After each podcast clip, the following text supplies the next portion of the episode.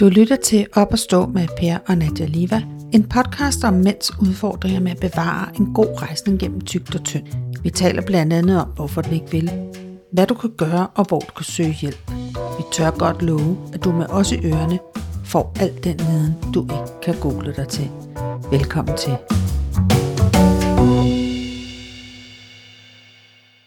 I dag skal det handle om rejsningsproblemer og diabetes. 71 procent af de mænd, der har diabetes og som er over 40, har seksuelle problemer. Især rejsningsproblemer. Faktisk er det sådan, at 42 mænd dagligt får stillet diagnosen type 2 diabetes. Og efter 5-10 år oplever de fleste rejsningsproblematikker. Cirka en tredjedel af de mænd, der har diabetes, er blevet inviteret af deres egen læge til en snak om deres seksuelle problemer. Det synes vi ikke er særlig mange, og derfor har vi valgt at indspille den her episode i dag med to eksperter i studiet. Vi har Jane Kusk, som er specialist i ernæring og type 2 diabetes, og så har vi vores egen Per Andersen fra Hercules Co., som er potensekspert. De tal, vi nævnte før, har vi fra Diabetesforeningens hjemmeside, og vi nævner dem egentlig også lidt, fordi dig, der sidder derude og har diabetes og oplever rejsningsproblemer, du skal ikke føle dig alene. Velkommen til.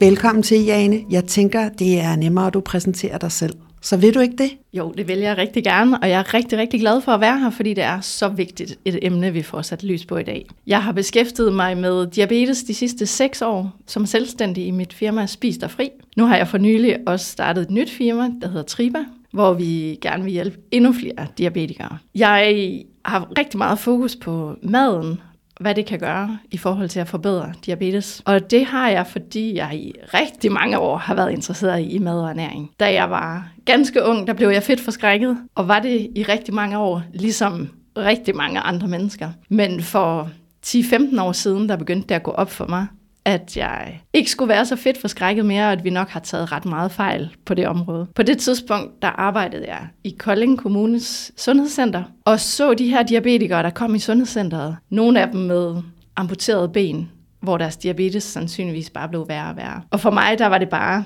en helt forkert måde, det bliver grebet an på, med mere og mere medicin. Og jeg kunne se alt den forskning, der var, alt det, der foregik ude i verden, at der er nogle andre veje at gå.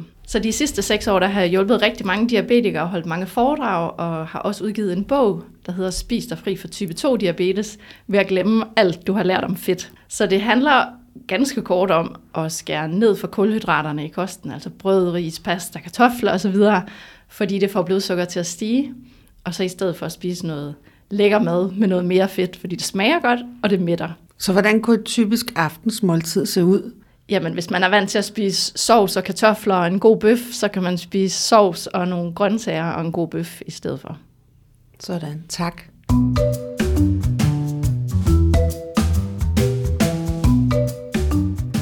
Og mere til dag har vi jo også medverden Per Andersen.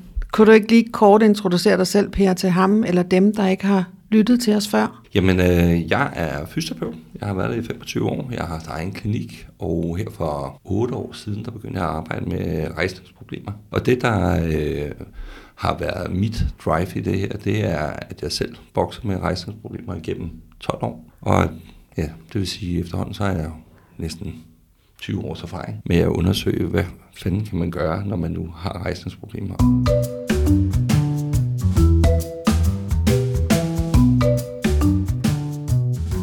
Inden vi går videre, så er det måske vigtigt lige at præcisere, at øh, det vi taler rigtig ind i i dag, det er til type 2 diabetes, og dig, der sidder derude og har type 1 diabetes, du kan også lytte med, fordi rådene vil også gælde for dig. Men vi taler, når vi siger diabetes, så handler det om type 2. Og Jane, kunne du ikke prøve at hjælpe os med at fortælle, hvad er sådan de typiske karakteristiske symptomer, når man får type 2, altså inden man ved, man har fået type 2? Det kan du tro. Det er meget, meget forskelligt. Rigtig mange mærker overhovedet ikke noget. Så det kan være, at det først bliver konstateret, når man ligger og har fået et hjerteanfald og en blodprøve. Så det er jo i sig selv en god grund til at få det målt en gang imellem hos lægen, det her blodsukker. Andre, der er det meget typisk, at man bliver rigtig meget træt, sådan virkelig nærmest invaliderende træt for nogen. Og det er sådan meget klassiske, det er, at man også kommer til at tisse mere, fordi kroppen prøver at udskille noget sukker. Så bliver man også mere tørstig, og det kan sådan blive en ond spiral også, at man skal op og tisse om natten og kommer til at sove dårligere. Så det her med dårlig søvn, søvnapnø, det kan også være et symptom på diabetes. Hvor ofte vil du sige, altså hvis det nu er, øh, vores lytter sidder og lytter med, han går aldrig til lægen. Hvor tit anbefaler du, at man går til lægen og får tjekket sit blodsukker? Der er jo rigtig meget aflighed indover, når vi snakker type 2. Så man kan, der er jo forskellige test på nettet, også hos Diabetesforeningen, hvor man sådan kan teste sin risiko. Så det er klart, hvis ens forældre har haft det, hvis, også hvis man er oppe i alder, alder er også stor øh, faktor på at få type 2 diabetes, så vil jeg anbefale, at man får det tjekket en gang om året ved lægen. Og hvis det begynder at stige, så er det rigtig vigtigt, at man begynder at gøre noget allerede, når man har det, der hedder prædiabetes, altså at langtidsblodsukkeret begynder at stige. Når du siger op i alder, så tænker du, i hvilken aldersgruppe er vi så i? De fleste er i 50-60'erne, ja. når de får det konstateret. Okay. Og så har, har, har du noget viden om, hvor lang tid de måske så er gået med? Type 2 diabetes, det er ikke noget, der sådan, som regel ikke noget, der opstår natten over.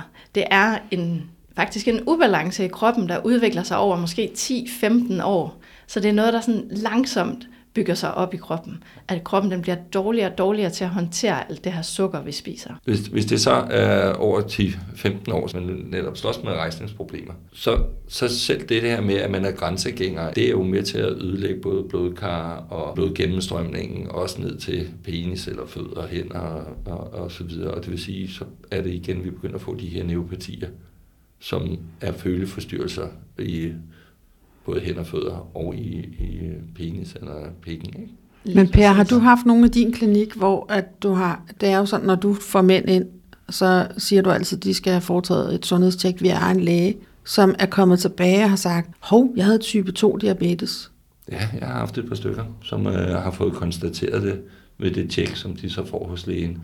Men jeg har også rigtig mange, som kommer ind, og som lige har fået konstateret det, men som så også har fået at vide, at det er, har nok stået på i nogle år. Og det der kan jeg godt forholde mig til det, du siger, Jane, med, at man måske bør blive tjekket hyppigere øh, en gang om året, er ikke for meget. Nej, men det var fordi, jeg tænkte på, om et, øh, om et symptom så også kunne egentlig være rejsningsproblematik. At oplever du rejsningsproblematik, kan det godt være forårsaget af, at du faktisk har haft type 2, uopdaget type 2 diabetes i nogle år? Det tænker jeg, der sagtens skal være sammenhæng imellem. Desværre så er det ikke et emne, jeg har talt med ret mange diabetikere om, fordi der er så meget tabu omkring det. Så det er først efter, jeg sådan har stødt på Per, og vi har talt om det her problem, at jeg også føler mig klædt på til at tage snakken med folk og vide, hvad jeg overhovedet... At der er en sammenhæng, og at der faktisk er noget, man kan gøre ved det. Og hvorfor, skal vi så ikke lige prøve at forklare lytteren, hvorfor er det, der er sammenhæng mellem diabetes og rejsningsproblemer, eller kan være? Jamen, altså, diabetes har jo en tendens til at påvirke vores blodkar, øh, ødelægge dem, og specielt de helt små blodkar, som findes i hænder, fødder og i pikken. Så det, der er i det, det er jo så ryger blodgennemstrømningen ud til, og så kan du ikke fylde penis ordentligt. Og, og når, når der ikke kommer ordentligt blod ud til pikken, jamen, så kan den jo selvfølgelig ikke komme ordentligt op og stå. Jamen, så vil der heller ikke være blod og næring til de små øh, nerveender, øh, og nerven begynder så, og det er så efter min overbevisning, for man er ikke 100% 100% sikker på det endnu, men så får man simpelthen en nerve, som ikke sender de rigtige beskeder op. Det vil sige,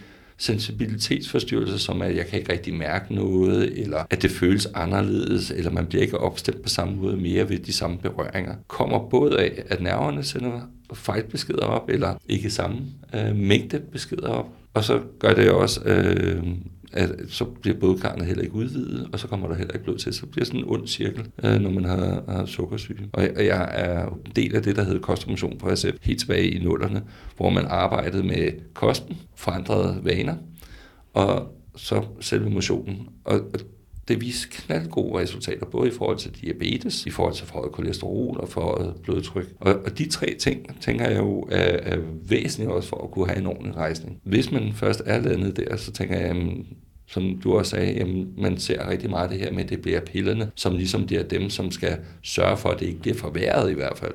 Så tænker jeg, hvad nu hvis vi fik pillerne, hvis man havde fået diabetes, og så begynder at arbejde med de underliggende, så man kunne lægge pillerne igen. Lidt som, at man tager jo heller ikke forebyggende hovedpinepiller for at undgå hovedpine. Og man kan sige, det er faktisk det, du beskæftiger dig med i din virksomhed, Jane. Prøv at fortælle lidt om, hvordan er et typisk forløb hvis man kan snakke om noget, der er typisk? Et typisk forløb er, at, at folk de finder en motivation til at gøre noget. Det kan enten være, når man lige har fået diagnosen, man tænker, jeg har overhovedet ikke lyst til at se mig selv som diabetiker og skulle have en masse medicin. Det kan også være, hvis lægen siger, nu skal du have mere og mere medicin, for det er det, der sker for langt, langt de fleste diabetikere, at de skal have mere og mere medicin. Der var også en mand, jeg havde i forløb, hans nabo var kommet i dialyse, fordi hans nyre var stået af, og det ville han bare det ville han ikke selv opleve, så han fandt motivationen der til at gøre noget. Så vi skal ligesom have et, et slag over skinnebenet, for at vi tager sammen til at gøre noget. Og så er der mange, der bliver overrasket over, hvor effektivt det er, det her med kosten. Og de rent faktisk kan komme ud af medicin, fordi mange vil gerne bare undgå, at det bliver værre, og tør ikke rigtig tro på, at de kan komme ud af medicin. Men det er der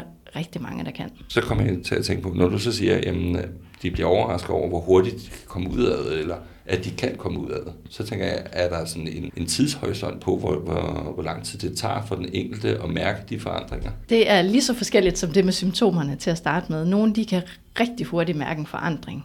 Især hvis man så har haft mange symptomer, har været meget træt, så er det klart, så kan man også mærke en større forskel, end hvis man ikke rigtig havde nogle symptomer. Men det, det kan gå rigtig hurtigt. Jeg havde, har, har mange eksempler. Jeg havde en mand i forløb, der faktisk havde skizofreni og ikke, ikke super meget overskud i hverdagen. Han, på tre måneder, der kom han ud af insulin, og han fik så meget energi, at han faktisk begyndte at løbe 10 km om ugen. Så det kan jo gøre en rigtig stor forskel. Så når man får energien ved at lægge kosten om, så bliver det også meget nemmere at få noget mere bevægelse ind og motionere noget mere. Er der opskrifter i dit forløb? Altså får man udleveret, øh, du ved? Ja, i forløbet, der får man selvfølgelig al den information, man har brug for om, hvad der sker i kroppen i forhold til diabetes, og hvad der er godt at spise, hvad der ikke er så godt at spise i forhold til blodsukker. Og så arbejder vi også rigtig meget med øh, mindset, fordi der er rigtig meget med vaner, og der er så meget skyld og skam omkring diabetes, hvilket du sikkert også støder rigtig meget på i forhold til rejsningsproblemer. Det er nok bare endnu værre, hvis man så har begge dele, så kunne jeg forestille mig, at det også øh, påvirker en rigtig meget. Ja, fuldstændig rigtigt. Der er nogle gange, så ser folk jo fuldstændig trætte ud, når man så begynder at snakke om, jamen øh, det her med maden, hvordan går det med det, og hvordan ser det ud derhjemme med at komme ud og få bevæget sig lidt, og, og så alle de her ting. Jamen, lidt som vi faktisk sad og snakkede om, inden vi gik ind her i dag, med at, at, at det er måske det helt forkerte sted at starte med at sige, nu skal du ud og løbe og motionere mere. Fordi hvis du ikke har energien til det, jamen, så bliver det jo bare tortur, som du selv sagde. Øh, og, og derfor tænker jeg, at jamen, hvis man nu kan starte med maden og ændre på den, og mærker, at man får mere og mere energi fra dag til dag, kommer i gang med at motionere, som både påvirker hjertet og det øvrige karsystem, og dermed til sidst øh, også øh, rejsningsevnen, jamen så, så er vi fandme godt på vej allerede. Men jeg synes også, du i den forbindelse, Jane, sagde noget meget banebrydende, det der med at være fedt forskrækket, at hvis vi nu får, får givet videre, at, at du kan stadigvæk godt få dit, din, øh, din røde bøf og din sovs, men du skal bare skifte kartoflerne ud med nogle grøntsager. Altså, så, så er det jo ikke alt, vi fjerner. Altså, fordi jeg tror også, jeg sidder med den der, når vi alle sammen er blevet, øh, Øh, hvad hedder sådan noget, tude ørerne fulde med, at, at øh, vi, altså, når vi skulle ændre på vores kost, så blev det død hammerne kedeligt. Lige præcis. Sådan en tør salat, den er jo helt umulig at spise sig igennem. Så der er rigtig mange mænd især, der bliver rigtig lettet over, at det er noget lækker mad, og det smager godt, og det mætter, og der er noget fed ost og fed sovs, og netop gode bøffer, hvor man ikke skærer fedtet fra, osv.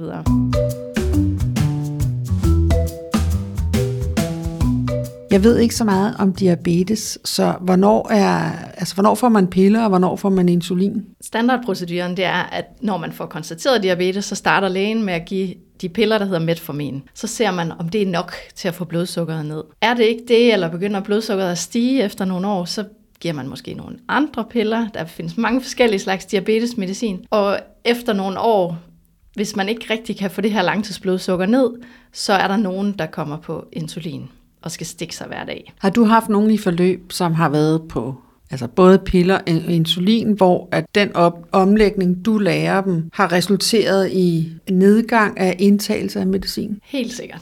Det er der rigtig mange, der kommer ned i medicin, og nogen også helt ud af medicin. Og det er jo helt op til den enkelte, hvor, hvad ens mål er, hvad ens værdier i livet er, hvor, hvor hårdt man vil gå til værks med det her med. Gør man lidt, jamen, så får man lidt effekt, og gør man mere, så får man en bedre effekt. Så jeg hjælper folk der, hvor at de er i deres liv, og nogen har meget overskud, og nogen har mindre overskud. Så rigtig mange vil gerne ud af den her onde spiral, hvor det bare er mere og mere medicin.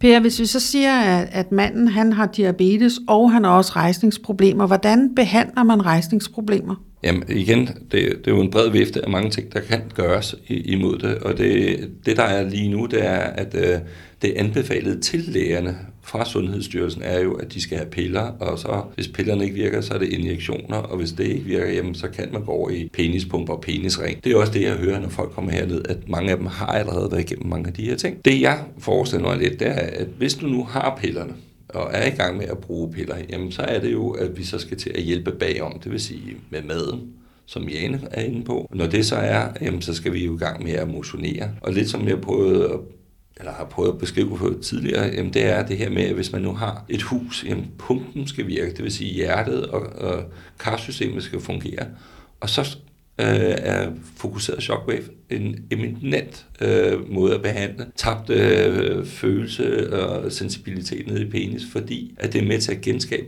nye små blodkar, som forsvinder, når, når man har øh, diabetes. Øh, et eksempel, som er lidt off i forhold til, øh, til det med, med selve rejsningen, det er, at jeg havde en herinde, øh, både til behandling for rejsningsproblemer, men han havde også uhyggeligt svært ved at gå, fordi han havde så ondt i sine fødder. Så vi behandlede hans fødder et par gange, og så kommer han lige pludselig tilbage med armene over hovedet, og siger, nu har han gået 10-15 km. Det havde han ikke gjort i x antal år. Og det, det er bare lidt sjovt, og det fortæller lidt om, at den blodcirkulation er med til at påvirke den følesans, vi har. Og, og derved også når vi snakker rejsning, jamen hvis der ikke er blod ned til, og den ikke står hårdt ned, så ryger sensibiliteten. Ham du fortalte om før, der øh, gennem sundhedstjekket hos lægen fik konstateret øh, type 2 diabetes. Hvad fik han, altså, øh, hvad fik han af behandling, og, og hvilken effekt havde han, oplevede han? Hvor hurtigt? Jamen de fleste af dem, som har diabetes, de har jo fandme gået med i rigtig, rigtig lang tid i noget, der hedder 6-9 behandlinger. Så over en 3 øh, til 5 måneders periode, at man går ind og ændrer på det. Men vi arbejder jo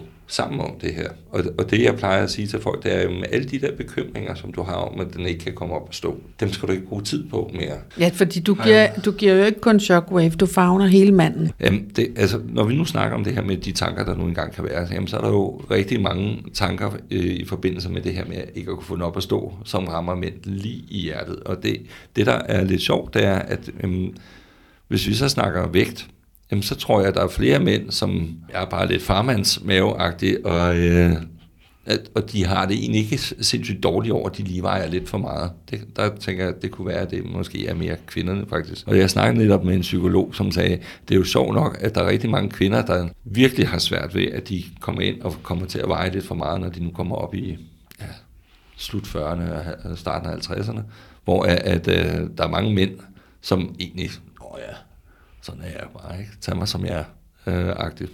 Jeg tænker, at skammen ligger måske mere herover i rejsningen, end den måske egentlig ligger i det at være have for meget vægt. Men oplever Så. du, Jane, at, at mændene har øh, øh, for meget fedt, eller er overvægtige, når de, når de kommer og er motiveret for et forløb hos dig? Altså i gennemsnit, så er det jo 4 ud af 5 type 2-diabetikere, der er overvægtige. Og det helt klassiske, det er, at den her overvægt, den sætter sig på maven. Den øh, ubalance, der sker i kroppen, er, at der er for meget insulin, og insulin, det er vores fedtlæringshormon. Og det sætter sig på maven og omkring organerne. Og det snakkede vi også om, Per, at der er en sammenhæng mellem øh, livveden. Altså som Jesper Bay nævner i pigpotens og parforhold, jamen så er det netop en af de, der er med til at dræbe potensen også, eller rejsningen hvis man har for, for stor livvidde, så det skulle man måske arbejde med. Og den som, bog er faktisk rigtig, rigtig god, og der står også, hvordan du kan måle din livvidde i den bog. Så den mm. kan vi klart anbefale.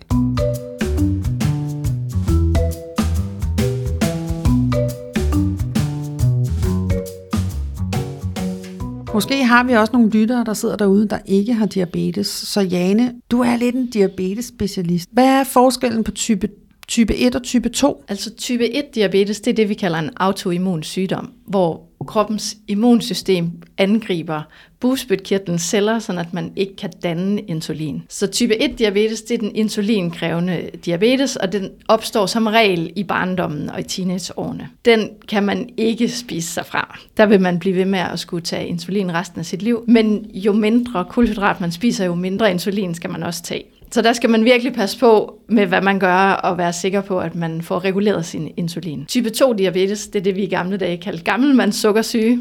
Det gik man væk fra, fordi det ikke længere var Gamle primært de gamle mænd, der blev ramt af det. Fordi der skete noget med vores livsstil. Og jeg påstår jo, det skete omkring 40, for 40 år siden, hvor vi fik de her kostråd. Gennem historien har vi aldrig haft kostråd, før vi blev fedt forskrækket der i, i start 80'erne, og fik at vide, at vi skulle mm, skrabe smøret og let sovsen, Jensen og så videre. Da vi pludselig ikke skulle spise så meget fedt mere, der skulle vi spise noget kulhydrat i stedet for. Tyndere ost på tykkere brød, og vi var faktisk de gode elever i klassen, der fulgte de her råd, selvom vi altid får, får skæld ud for, at vi ikke følger kostrådene. Så havde det faktisk en enorm konsekvens for vores mad. Så vi begyndte at spise mange flere af de her kulhydrater. Og det, der sker i kroppen, det er, at kulhydraterne de bliver omdannet til sukker nede i tarmen, og så bliver det ført over i blodet, og så stiger blodsukkeret. Og det kan en ung, frisk krop sagtens håndtere. Men når vi har spist for meget sukker gennem for mange år, så belaster det kroppen. Og øh, som Per også nævnte, det påvirker blodkarrene, at alt det her sukker, det er i blodårene. Så kroppen den danner mere og mere insulin for at få det her blod blodsukker væk, eller sukkeret væk fra blodet. Og øh, så sker der det på et tidspunkt, at kroppen den bliver døv over for det her insulin. Man udvikler det, vi kalder insulinresistens. Og så begynder det at gå galt i kroppen. Så begynder der at komme de her ubalancer. Så insulinresistensen gør, at insulin ikke virker så meget. Så kroppen den er fantastisk, den danner bare noget mere insulin, så det bliver en rigtig ond spiral. Og som jeg nævnte før, så insulin er vores fedtlæringshormon, så man begynder også at tage på. Og hvis man får at vide ved lægen, du har type 2 diabetes, du skal tabe dig, så kan det være rigtig svært, fordi det lige så meget af den her diabetes, der giver overvægten. Så vi skal have taget hånd om det her problem, i stedet for bare at give noget medicin, der sænker blodsukkeret. Så skal vi ind og have løst årsagen, og det er og lad være med at putte så meget sukker på maskineriet. Lad være med at putte så meget sukker i munden. Og det er altså ikke kun slik og kager, det er brød, ris, pasta, kartofler osv. Alle de her kulhydrater, som ellers er sunde, hvis man kan tåle dem, men når man har type 2-diabetes, så kan man bare ikke ret godt tåle dem. Jeg kan godt lide det, du sagde med, at der i øh, start 80'erne, så skulle vi spise mere mager ost på mere brød, og det jeg hører dig sige med det er, at faktisk anbefaler du intet brød, og måske hellere en, en skive ost, der er fed.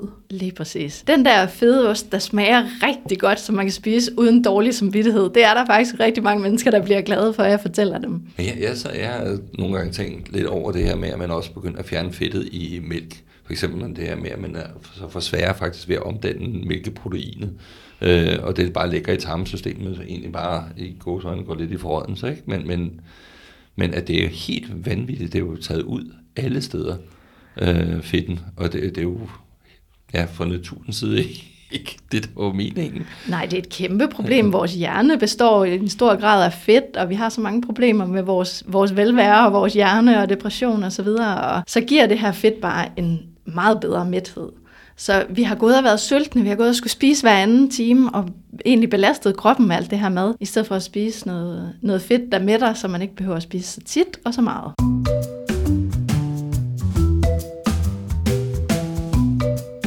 Og Jane, hvis man gerne vil have fat i dig, hvordan får man det? Man kan gå ind på triba.dk. Og vi staver, skal vi ikke lige stave det bare, så er der ikke nogen tvivl? Det er t r i b a.dk. Og er der en historie til, hvorfor det hedder Triba? På, på dansk, der tænker vi, at det handler rigtig meget om trivsel og balance. Altså få den her balance i kroppen, men stadigvæk trives som menneske. Og sådan på mere internationalt niveau, så ligger der så også op af tribe på engelsk, det her med at være et fællesskab og en gruppe, så man ikke er alene i det. Så vi vil rigtig gerne øh, skabe en bevægelse, der dels går forrest, fordi det er rigtig svært at få Sundhedsstyrelsen til at ændre retning, så det er faktisk menneskerne derude, der, der går sammen i store Facebook-grupper og i fællesskaber for at støtte hinanden. Ej, hvor skønt. Og når man går i forløb hos dig, hvordan foregår det sådan helt øh, praktisk? Er det øh, online? Er det face-to-face? Øh, hvordan øh, kan, tager du folk fra hele landet? Jeg tager folk fra hele landet. Det foregår primært online. Vi har også folk med fra Nordtyskland og Færøerne.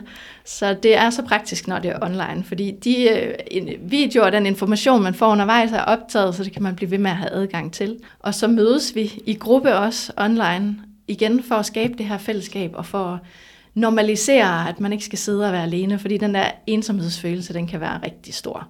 Ja, så tænker jeg, at øh, det fede ved at kunne gå online, er, at man måske skal skrive x antal timer ud i sin kalender, men faktisk bare kan gå ind, åbne computeren, og så er man med. Så man i bund og grund både kan, kan være til stede hjemme og, øh, til undervisning. Ja, lige præcis. Det er meget fleksibelt. Går man på arbejde, så kan man se det, når man har fri, og er man pensionist, så kan man se det om formiddagen, når man måske er mest frisk og man kan gense det lige så mange gange, man vil. Ja. Så har man også mulighed for at booke nogle samtaler, og vi har fået en læge med ombord, en psykolog med ombord, så vi får nogle eksperter ind, der kan hjælpe, fordi det er jo, ja, selvfølgelig er det bare at ændre kosten, men det er ikke bare for de fleste mennesker, det er så meget andet, der spiller ind. Hvad gør man, når man er på ferie, og når der er højtider, og når man skal lære at takke nej. Jeg siger ikke, at alle skal lade være med at spise kulhydrater, for hvis man kan tåle dem, så er det jo sunde fødevarer. Men når man har diabetes, så er der bare så meget, der tager, øh, tyder på, at man ikke kan tåle det. Og så er det jo nemlig en god pointe, helt menneskeligt, at det er svært at holde fast i længden. Så det er noget med også virkelig at øve sig i at komme tilbage på sporet igen, og være venlig over for sig selv, når man bliver slået ud af kurs, og det kan jo bare være en influenza eller en forkølelse, der gør, at det lige bliver svært i en periode. Det kan også være mere alvorlige ting, der får en ud af kurs. Så det her med at søge hjælp til dels og, få den viden, der skal til, og der er også nogle ting omkring medicin, man skal lige vide, hvad man gør, inden man kaster sig ud i det her. Og så få støtten til at, at holde fast i længden. Det er rigtig vigtigt at være en del af et fællesskab der. Det lød nærmest som om, du kom med et afsluttende råd. Men hvis du nu skulle komme sådan, du må godt opsummere på det, du har sagt, men hvis du skulle give lytteren derude, der sidder, både den lytter, der har diabetes og ikke har diabetes, hvad, er, hvad for et godt råd kunne du give? Hvis man har diabetes, så er det rigtig vigtigt, det jeg lige nævnte med at have styr på, hvad for noget medicin man tager, hvis man gerne vil prøve at skære ned på kulhydraterne. For hvis man for eksempel får insulin, så kan det være farligt, fordi man skal faktisk ret hurtigt skære ned på sin insulin. Så søg noget hjælp og kontakt gerne mig. Vi er et helt team, der, der ved, hvad der, hvad der kan gå galt, og hvad der skal til for at få det til at gå godt. Og som sagt, så kommer vi til at nævne nogle links i vores tekst på podcasten, så der kan du gå ind og trykke og finde Jane. Og man kan booke en halv times gratis samtale, helt uforpligtende, netop sådan, at vi kan, vi kan hjælpe så mange som muligt, og har man brug for ekstra hjælp, så er det også det, vi tilbyder. Per, jeg tænkte på, kunne du ikke også godt tænke dig at komme med et råd til manden, der sidder derude, og ham, han har faktisk diabetes og rejsningsproblemer. Hvad for et råd vil du give ham? Jamen lidt som Jane faktisk siger, jamen, jeg har også 20 minutters uh, uforpligtende samtale uh, med folk. Søg noget hjælp øh, finde ud af, hvad, hvad, skal du, hvad skal der til for, at du kommer tilbage på banen igen.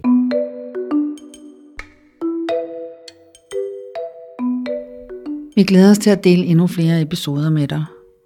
Og faktisk så har vi også en brevkasse, og den er altid åben. Her kan du stille spørgsmål, komme med råd eller noget helt tredje. Hvis du gør det, så vil du bidrage og inspirere til, at vi skaber endnu flere spændende og interessante vinkler i universet for den gode rejsning. Så skriv endelig til os. Adressen er info Du finder den også som et link i teksten herunder. Vil du være sikker på at få besked om nye afsnit? Anbefaler vi, at du abonnerer på podcasten, for så sker det nemlig helt automatisk. Tak fordi du lyttede med.